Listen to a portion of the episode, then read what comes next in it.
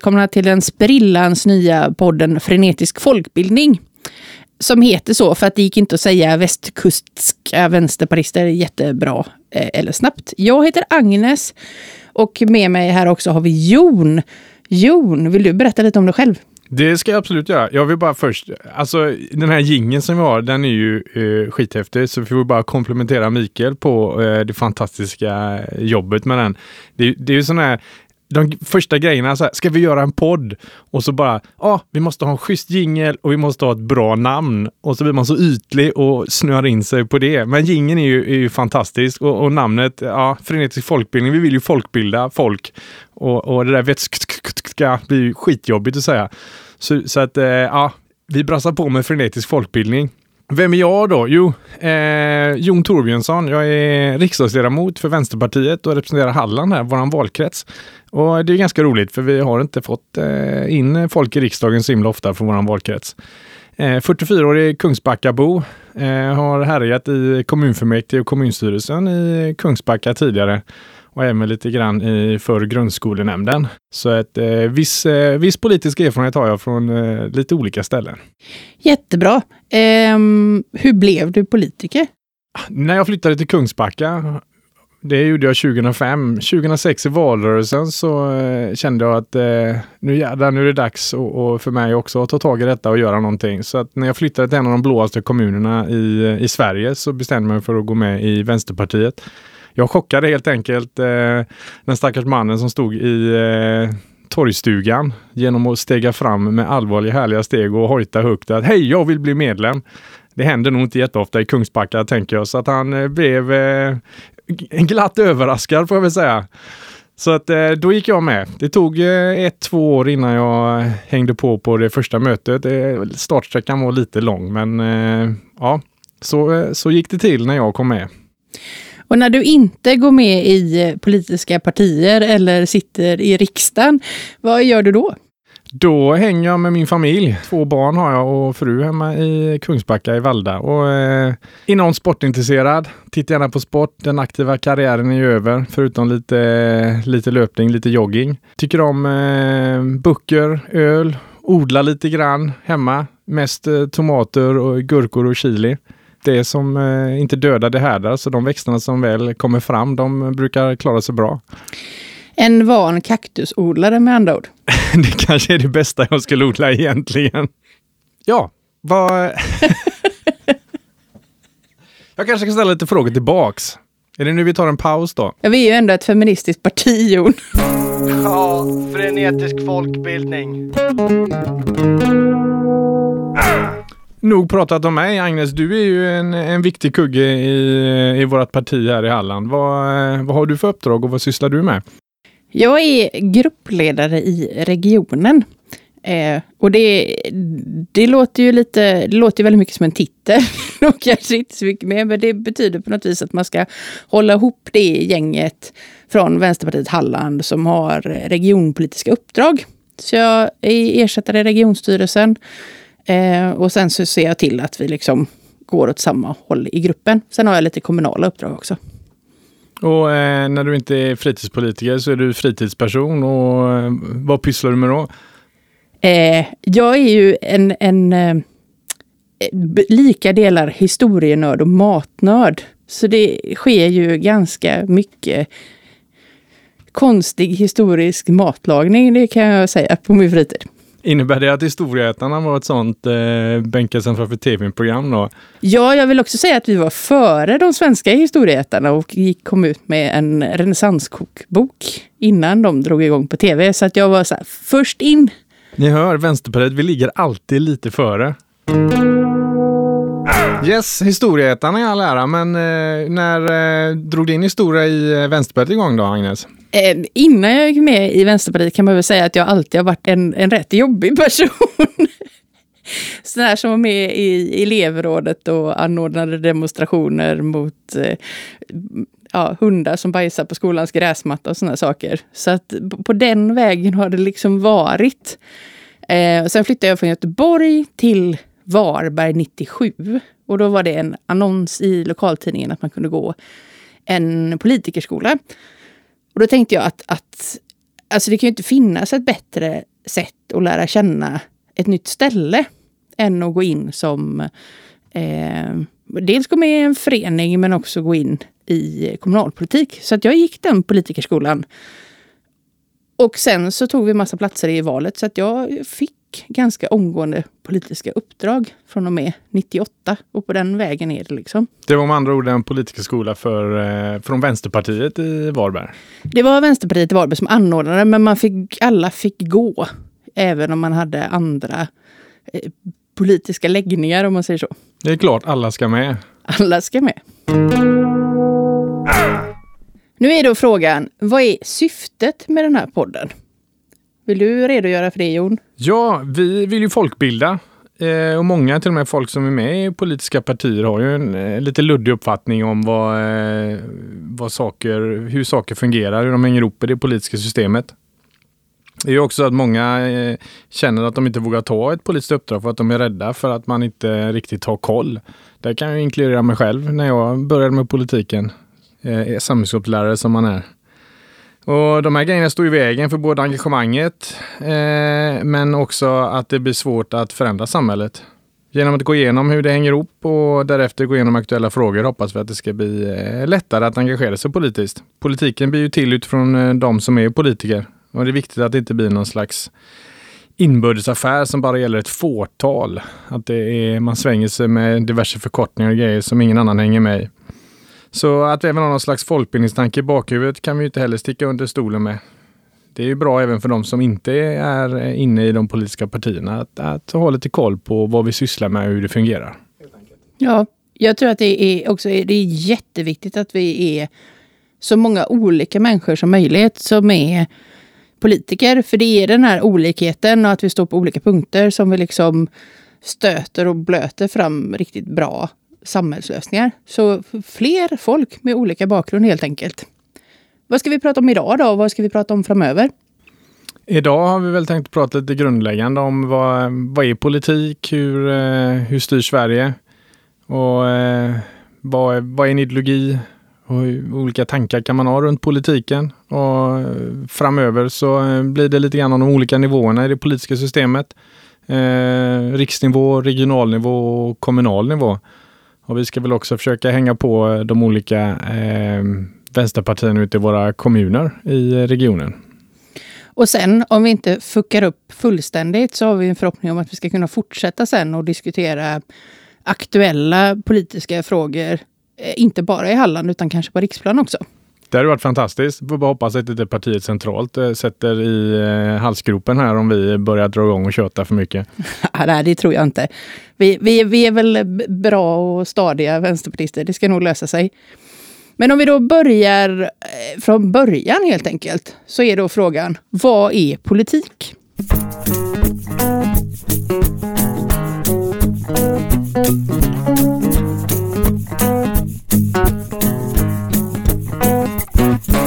Ja, frenetisk folkbildning.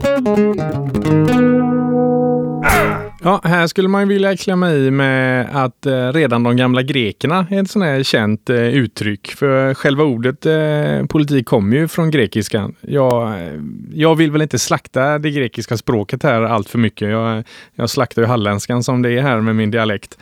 Men eh, Aristoteles beskrev politik som ett samhälles gemensamma strävan efter ett gott liv. Och eh, att försöka lösa konflikter mellan det gemensamma bästa och eh, avvikande intressen. Och det tycker jag eh, sammanfattar det hela eh, ganska bra. Vad säger du till folk? Eh, det är ofta eh, en del. Jag är inte intresserad av politik alls. Jag, vad säger du då till dem, Jon? Ja, det är ju lite spännande. Man undrar hur isolerad man kan vara i så fall och om man inte har några åsikter alls. Eh, de flesta brukar ju bry sig om någonting någonstans, någon gång. Alltså eh, folk gnäller över yttrande, yttrandefriheten på nätet och eh, någon vill ändra skolmaten och tycker bensinen är för dyr och man blir förbannad när det blir grillförbud. Och, och allt det där är ju politik. Det är ju frågor som, som är med och, och styr vårt samhälle, hur det fungerar och hur vi förhåller oss eh, till varandra.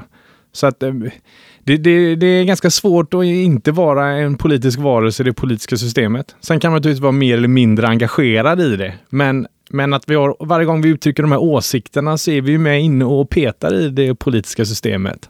Jag tänker till och med de som inte, de som säger att jag är inte är intresserad av politik, de har ju fått möjligheten att vara det för att det har föregått en jäkla massa politik som har gjort att det är ganska chill för dem och att de inte behöver bry sig. Så att det, inte ens det sker ju i något politiskt vakuum.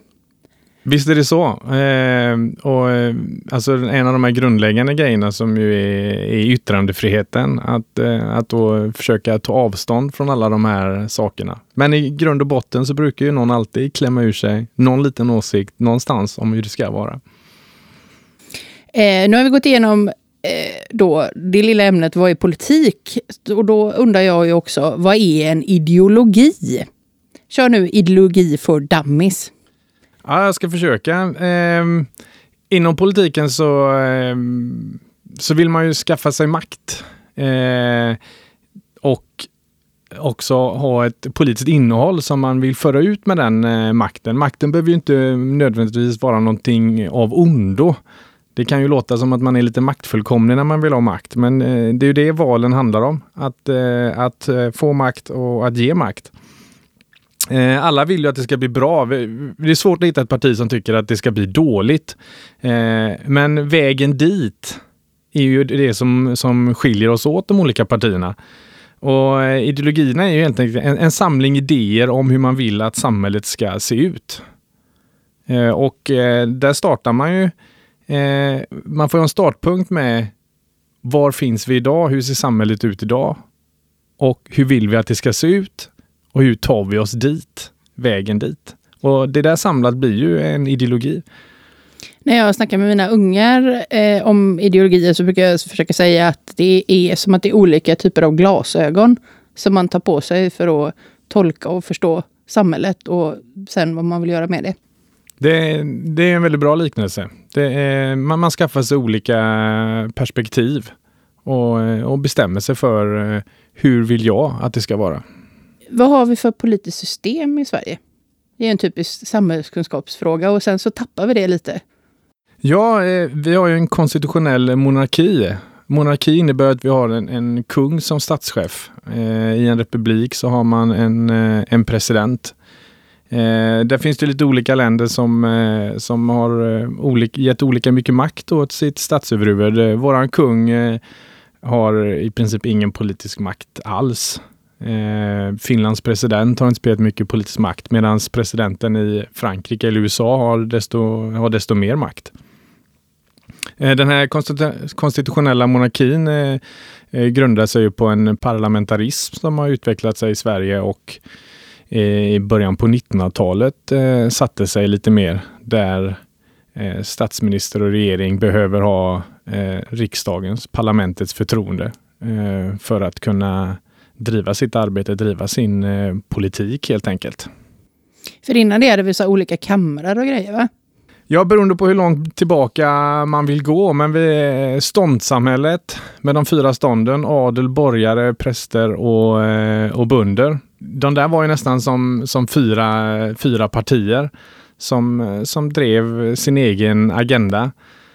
Eh, och då hade man också kungen med. Där, där varierade det ju hur mycket makt som ståndsriksdagen hade, hur mycket makt som kungen hade. Ibland hade man ett kungligt envälde, att kungen var som en diktator egentligen.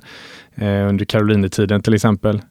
Eh, under fridstiden på 1700-talet så var det mer Eh, rådet och ståndsriksdagen som hade, som hade makt. Så där har pendlat och varierat lite grann. Sen så eh, gick vi över till en eh, tvåkammarriksdag på 1860-talet och på 1970-talet brakade vi igenom en enkammarriksdag. Allt det här regleras ju i grundlagarna. Har du någon favoritgrundlag, Jon? Eh, ja, Alltså tryckfrihetsförordningen skulle jag väl säga skulle vara en favoritgrundlag då, därför att där finns eh, offentlighetsprincipen eh, med. Att eh, alla dokument och sådär eh, över beslutsfattandet i, eh, på våra olika politiska nivåer, de kan man eh, begära ut helt enkelt. Och man kan göra det genom att vara anonym.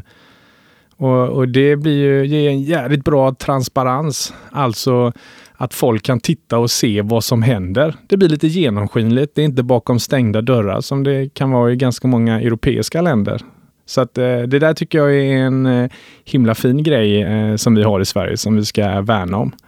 Jag har förstått att i, i EU så blir det ju ofta eh, lite så här chockerat över eh, offentlighetsprincipen. De undrar vad vi håller på med och tycker att vi är jättekonstiga.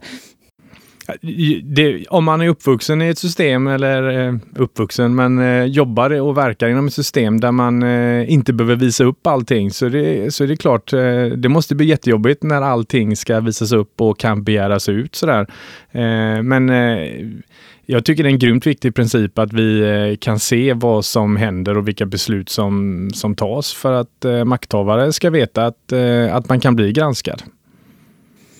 Ja, det var tryckfrihetsförordningen då. Sen har vi yttrandefrihetsgrundlagen och regeringsformen och den som du tycker minst om har jag förstått, successionsordningen. Ja, men som, eh, som vänsterpartist så måste det bli den, den grundlagen som man är minst förtjust i. För den vill man ju helst eh, avskaffa och förpassa bort. Det handlar ju om, eh, om kungahuset och, och tronföljden. Eh, vem som blir kung eller drottning när den nuvarande kungen eller drottningen abdikerar eller dör. Och, och det där systemet eh, med arvsrätt till ett statligt ämbete, det vill vi ju helst eh, avskaffa. Det är en sån här gammal feudal eh, riddarrest ja, tämligen odemokratisk eh, kan man väl lugnt säga. Men den har ett coolt namn i alla fall. Ja, om det är det vi ska gå efter så har den kanske det coolaste namnet. Ja. Men innehållet är ju det viktiga. Kan du hur eh, regeringsformen inleds? Nej, den kan jag inte som ett, eh, som ett rinnande vatten. Du får gärna eh, hjälpa mig där. All offentlig makt i Sverige utgår från folket. Den svenska folkstyrelsen bygger på fri åsiktsbildning och på allmän och lika rösträtt. Den förverkligas genom ett representativt och parlamentariskt statsskick och genom kommunalt självstyre. Det är ju ganska fint. Det är jättevackra ord och eh, om man tittar på det där med, med, med lika rösträtt så eh, under den här mandatperioden i riksdagen så eh, har vi initierat ett, ett firande av, av den kvinnliga rösträtten eh, som man eh, tog 1919 eh, och 1921 så var det första valet där, där kvinnor fick eh, vara med och rösta. Men eh, man kan ju fundera på om vi hade allmän och lika rösträtt eh Eh, när, när kvinnor fick rösta. För eh, eh, 1937 så ändrade vi så att interner, fångar, faktiskt fick rösträtt också. Och 1945 efter andra världskriget så fick folk som då gick på fattighjälp Eh, fick ekonomiskt bistånd, då fick de också möjligheten att rösta och påverka samhället. Och så sent som 1989 när vi eh, tar bort det här med omyndigförklaring så utökar vi rösträtten till ännu fler människor. Så att det blir alltid en sån där Gräns, vad ska man dra gränslinjen för när vi får allmän och lika rösträtt? Vilka får med att bestämma? Och idag så får ju människor som är under 18 år inte vara med och rösta. Och kan man också diskutera och fundera på eh, när barn och ungdomar ska få, få börja rösta och vara med. Det pågår ju också en diskussion inför varje val om att alla inte kan ta sig till vallokalerna heller. Så att det är ju en sak att säga det, sen måste man ju se till att det är möjligt att genomföra också. Ja, och det finns eh, eh, jag tänker på eh, om, om man till exempel är, är blind och, och ska rösta och stoppa ner valsedlar och sådär och behålla valhemlighet. Det, det finns en del, eh, en del saker att peta i när det gäller valsystemet. Men eh, vi har väl kommit en hygglig bit på vägen får vi ändå säga. Ett evigt arbete som man måste ligga i på. Demokratin måste vi alltid värna om.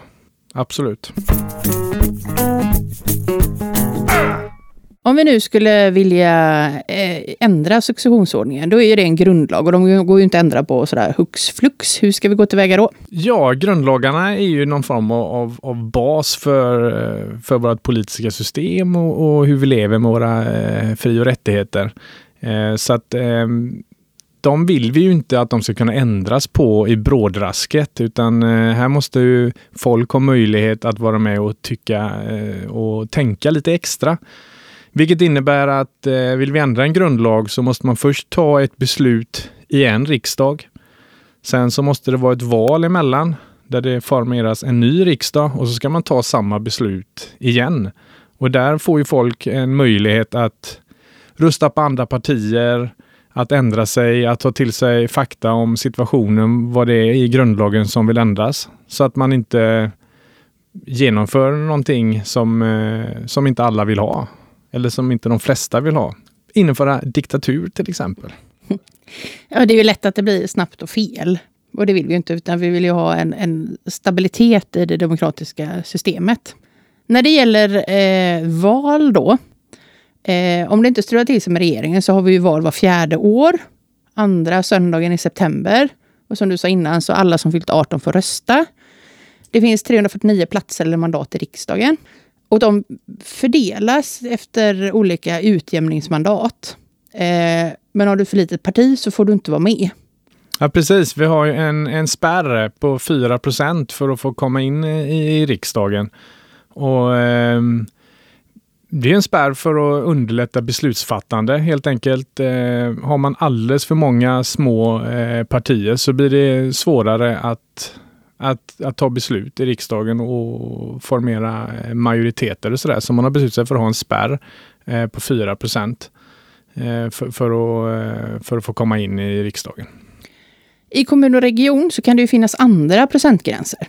Ja, det, i kommunerna beror det till exempel på hur många valkretsar man har delat in eh, kommunen i.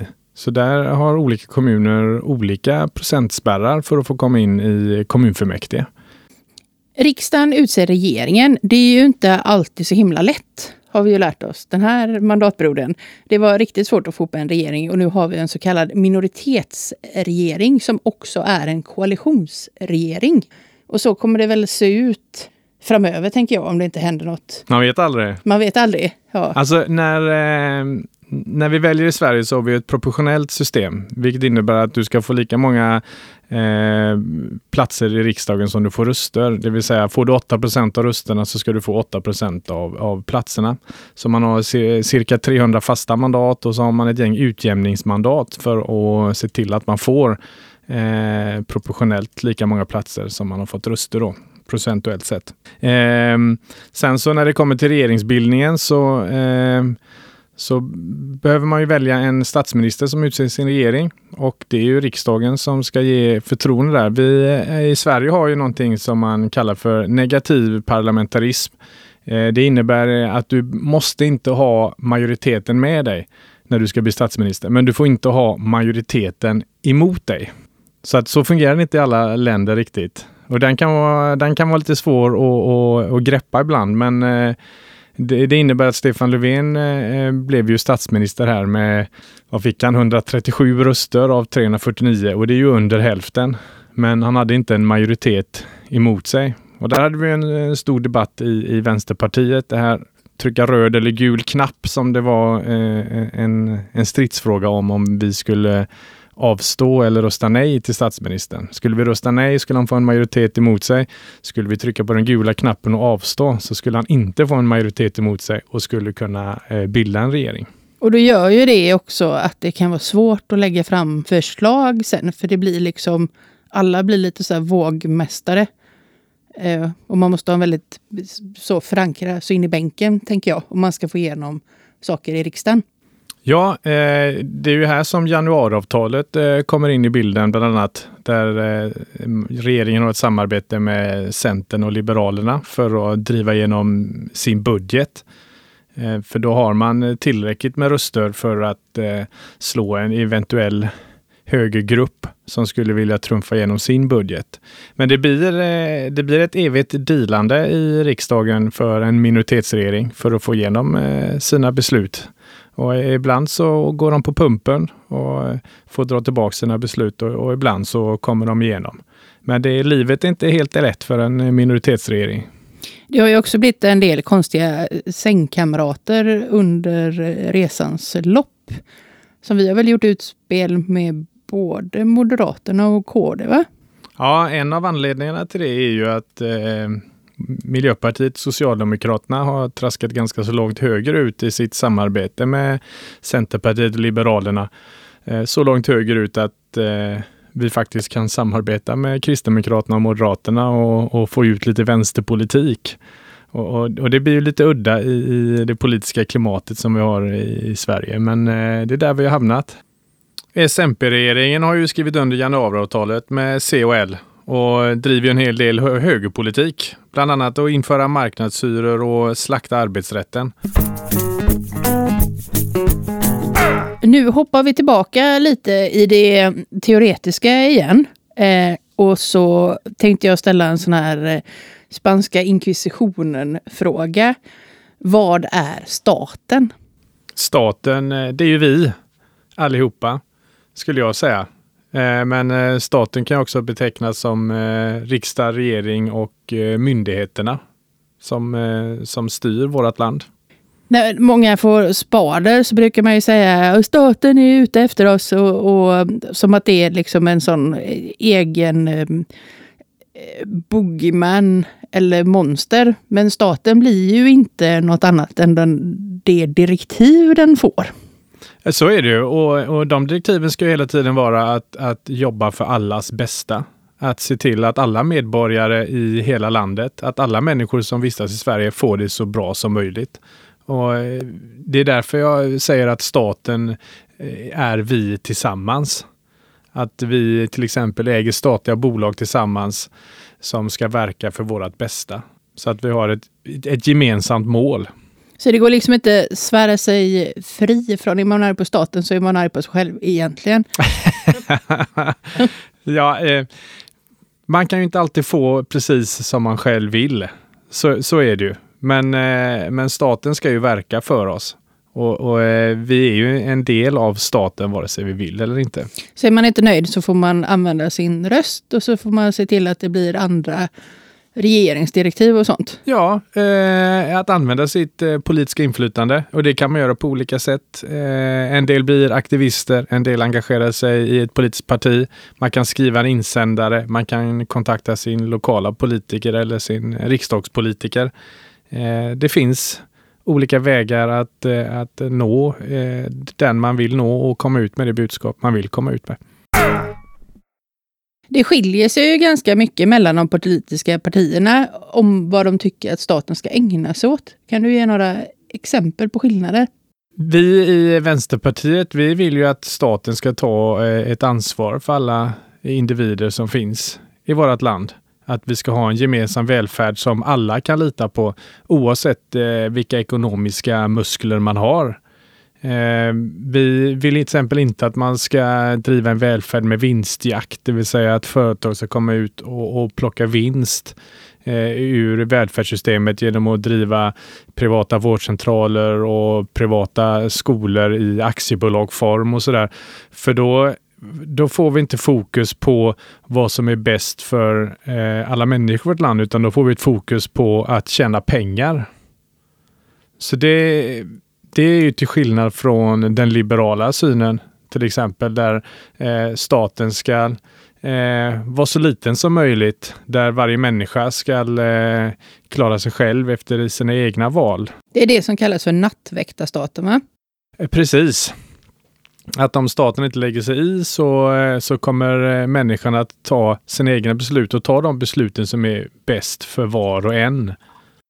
Två sådana här frågor som eh, man brukar bolla fram och tillbaka och, och eh, bråka om, de ska vara, om det ska vara liksom statligt huvudmannaskap för eller inte EU, skola och sjukvård.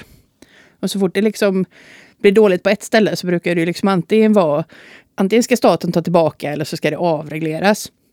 Är det ett sätt att frånsäga sig ansvar? Ja, frånsäga sig ansvar, det vet jag inte, men eh, att, att inte kunna ha möjligheten att påverka längre, att inte ha lika stora möjligheter att, att styra vård och skola så att vi får en, en likvärdig skola, att alla får en likvärdig vård, att eh, den som har störst behov ska komma först i vårdkön och inte den som har en privat vårdförsäkring eller den som har mest pengar eller bor i ett område där det smälls upp många eh, vårdcentraler. Nu under den här eh, pandemivåren så har det ju eh, ropats mer på staten än vad det gjort under väldigt många år. Visst är det intressant eh, eh, att när det blir kris så ska staten skjuta till. Eh, bland annat de här aktiebolagsvinster, att eh, kunna ge utdelning eh, till aktieägare och samtidigt få bidrag från staten är ju en spännande konstruktion. För ofta har ju man som vänsterpartist fått höra att ja, ja, vi ska inte få göra några vinster, men förlusterna tar vi hand om själva. Och nu har vi vänt på, eh, på steken. Nu är det så vinsterna tar aktieägarna hand om och när det kommer förluster så ska staten gå in och täcka upp. Men eh, och det är precis det här som vi vill att staten ska vara till för att göra. Fast vi vill att den alltid ska göra det här för alla människor. Och inte bara när det är den djupaste krisen och täcka upp. Utan det här systemet ska ju fungera hela tiden. Ja, det är ju svårt att, att växla mellan eh, privata apotek och statliga apotek med två års mellanrum. Det är ju ett ganska långt arbete och långsiktigt att bygga upp det. Det blir jätteknasigt. Och eh, systemet ska ju vara att det finns apotek för alla eh, överallt i hela Sverige. Och eh, när apoteksbolagen har eh, etablerat sig på marknaden så har det synts en, en, tydlig skillnad på var man vill etablera sig, folktäta områden och var man inte vill etablera sig, eh, där det inte bor så mycket människor. För där är möjligheten att göra vinst mycket mindre. För det är ju konstigt om staten bara ska liksom befinna sig på oattraktiva ställen. Och där är vi återigen när staten tar ansvar för alla oss gemensamt tillsammans. Vi kan inte bara välja ut Eh, enskilda små områden eller där det finns lönsamhet. Och Det är därför som vi inte ska driva med vinstintresse utan välfärd och samhällsservice ska finnas för alla överallt. Sen finns det ju sånt som kanske är lite mörkare sidor av staten. Jag tänkte att vi skulle slänga in ordet våldsmonopol. Det är ju fortfarande ganska abstrakt det här med våldsmonopolet. Kan du ge lite exempel på eh, när det går överstyr eller när det inte har funkat så bra? Ja, vi har ju en, eh, en polis som har eh, eh, rätt att använda våld för att upprätthålla lag och ordning. Senast som eh, militären var ute i svenska samhället och, och härjade var 1931 i Ådalen där det var strejk. Och det slutade med förskräckelse där eh, fem personer blev ihjälskjutna. Och lyckligtvis sedan dess så har vi inte haft militär som har varit ute för att hålla, upprätthålla lag och ordning, utan det har legat på eh, polisen att göra det. Eh, I dagens debatt kan man ju ibland eh, höra om, om människor som tycker att oh, vi borde sätta in militären igen och gå in i, i förorter eller styra upp folk med, med militära medel. Och jag är väldigt nöjd och glad över att vi sedan 1931 har sluppit att ha militärer med vapen i hand som är ute på, på våra gator. Det är polisens uppdrag att sköta lag och ordning.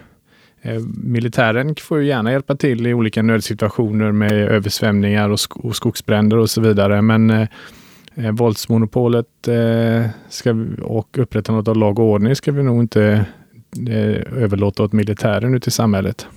Det har ju också gått en trend i att eh, ordningsvakter eh, gör eh, mer, som jag ser det, polisiärt arbete och att då till exempel kommuner eh, tar in eh, vakter och så styr man då vad de ska arbeta med för frågor. Det är alltså inte reglerat på samma sätt som polisen är. Det är ju ett problem när, eh, när polisens närvaro inte är lika tydlig längre. Eh, och de här befogenheterna då ska flyttas över till eh, Eh, diverse privata bolag. Och eh, där, där har vi en fråga att jobba med för att se till att det finns en, en, en trovärdighet i upprätthållandet av, av lag och ordning. Och att det finns eh, en ordentlig struktur över våldsanvändandet när det förekommer. Jag har ju sett eh, flera exempel på där, eh, där ordningsvakter har använt våld och det inte alltid slutar så väl. Vi var ju ute och kampanjade i valrörelsen och då var det ju en hel del frågor eh, om polisen hade tillräckligt eh, med resurser. Eh, Kommer du ihåg det att vi svarade på några enkäter och drev de här frågorna? Jon ser ut som ett frågetecken. Men det var vi i alla fall. Då drev ju Vänsterpartiet att både bättre arbetsvillkor och också eh, att det skulle finnas fler poliser ute bland allmänheten. Så att det inte skulle liksom bli något slags vakuum då som de här säkerhetsvakterna kunde agera i. Ja, och jag, det, det, tror jag är rätt och jag tror att det är är viktigt att, eh, att polisen finns där och att det ger en annan legitimitet till eh, upprätthållandet av ordning eh, om det är polismakten som är där och genomför det jämfört med, med ordningsvakter. De, polisen har ett, har ett större och bättre mandat. Och förhoppningsvis en längre utbildning. Precis. Och har en, en, en större struktur, en större organisation att använda sig av som, som gör att det blir enklare. Då har vi då täckt in, eh, vi har täckt in eh, vårt politiska system, vi har täckt in vad i staten, vi har pratat våldsmonopol. Och så tänkte jag att vi ska, innan vi börjar runda av, att vi skulle prata om den tredje statsmakten. Media och journalister, en viktig del av ett eh, demokratiskt samhälle. Det, det, kan vi ju se i eh, diverse diktaturer där eh, medier ofta är statskontrollerade och eh, den fria journalistiken inte finns.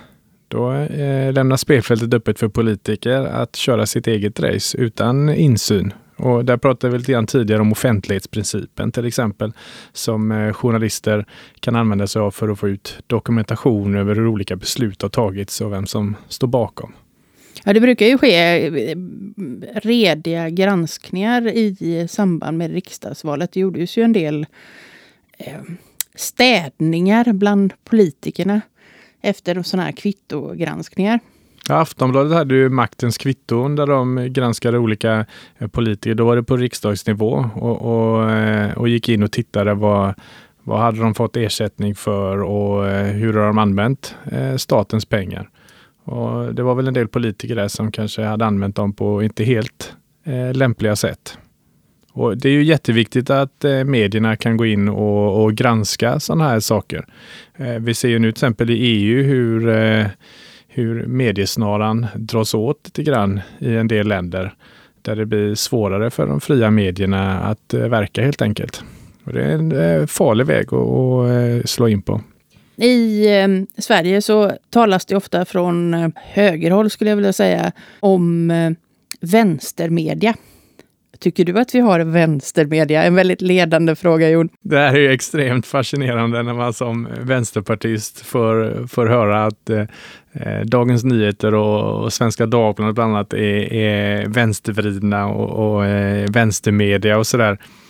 Eh, när man själv har eh, eh tittat och läst eh, de här medierna och tycker att oh, vilken högervridning det är och det är så många av de stora tidningarna som som är liberala eller eh, ligger åt högersidan till. Det är ju ganska få eh, tidningar som, eh, som har eh, ledare och en, en, en, röd färg. Och så får man höra att hela medielandskapet och all media är så vänstervriden. Det, det, är mäkta fascinerande måste jag säga. Om det hade varit så här himla vänstervridet så hade vi kanske inte stått här och, och eh, startat en, en podd heller, för då hade vi ju nått ut med vårt budskap ändå. Ja, och då hade vi väl kanske varit eh, i regeringsställning med 50-60 procent också. Jag vet inte.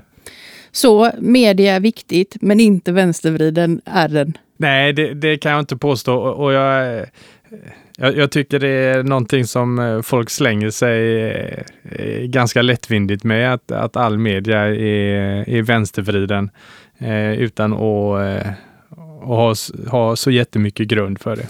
Ja, vad har vi lärt oss idag och vad ska vi snacka om nästa gång? Eh, idag har vi lärt oss eh, lite grann om vad politik är, om ideologi, om grundlagar, om hur vårt eh, politiska system ser ut.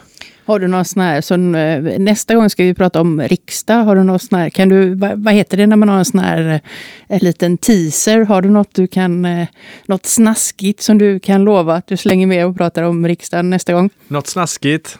Nej, jag vet inte hur, hur mycket snaskigt eh, man har att ta med sig från, från riksdagen. Det är, det är politiskt arbete, en hel del ensamarbete, men man får ju träffa diverse partiledare ibland och, och kingsa på eh, människor med politisk makt, så det kan ju vara lite spännande. Du kanske kan recensera vilket det godaste snasket är i riksdagskiosken? Ja, eller så eh, kan jag eh, berätta om när jag och Jonas hade en bake-off och eh, bjöd riksdagsgruppen på, eh, på fika. Inget vinstintresse naturligtvis. Ja, men det låter bra. Ja, men då eh, tackar vi väl för oss Yes. idag. Kul att få dra igång. Hej!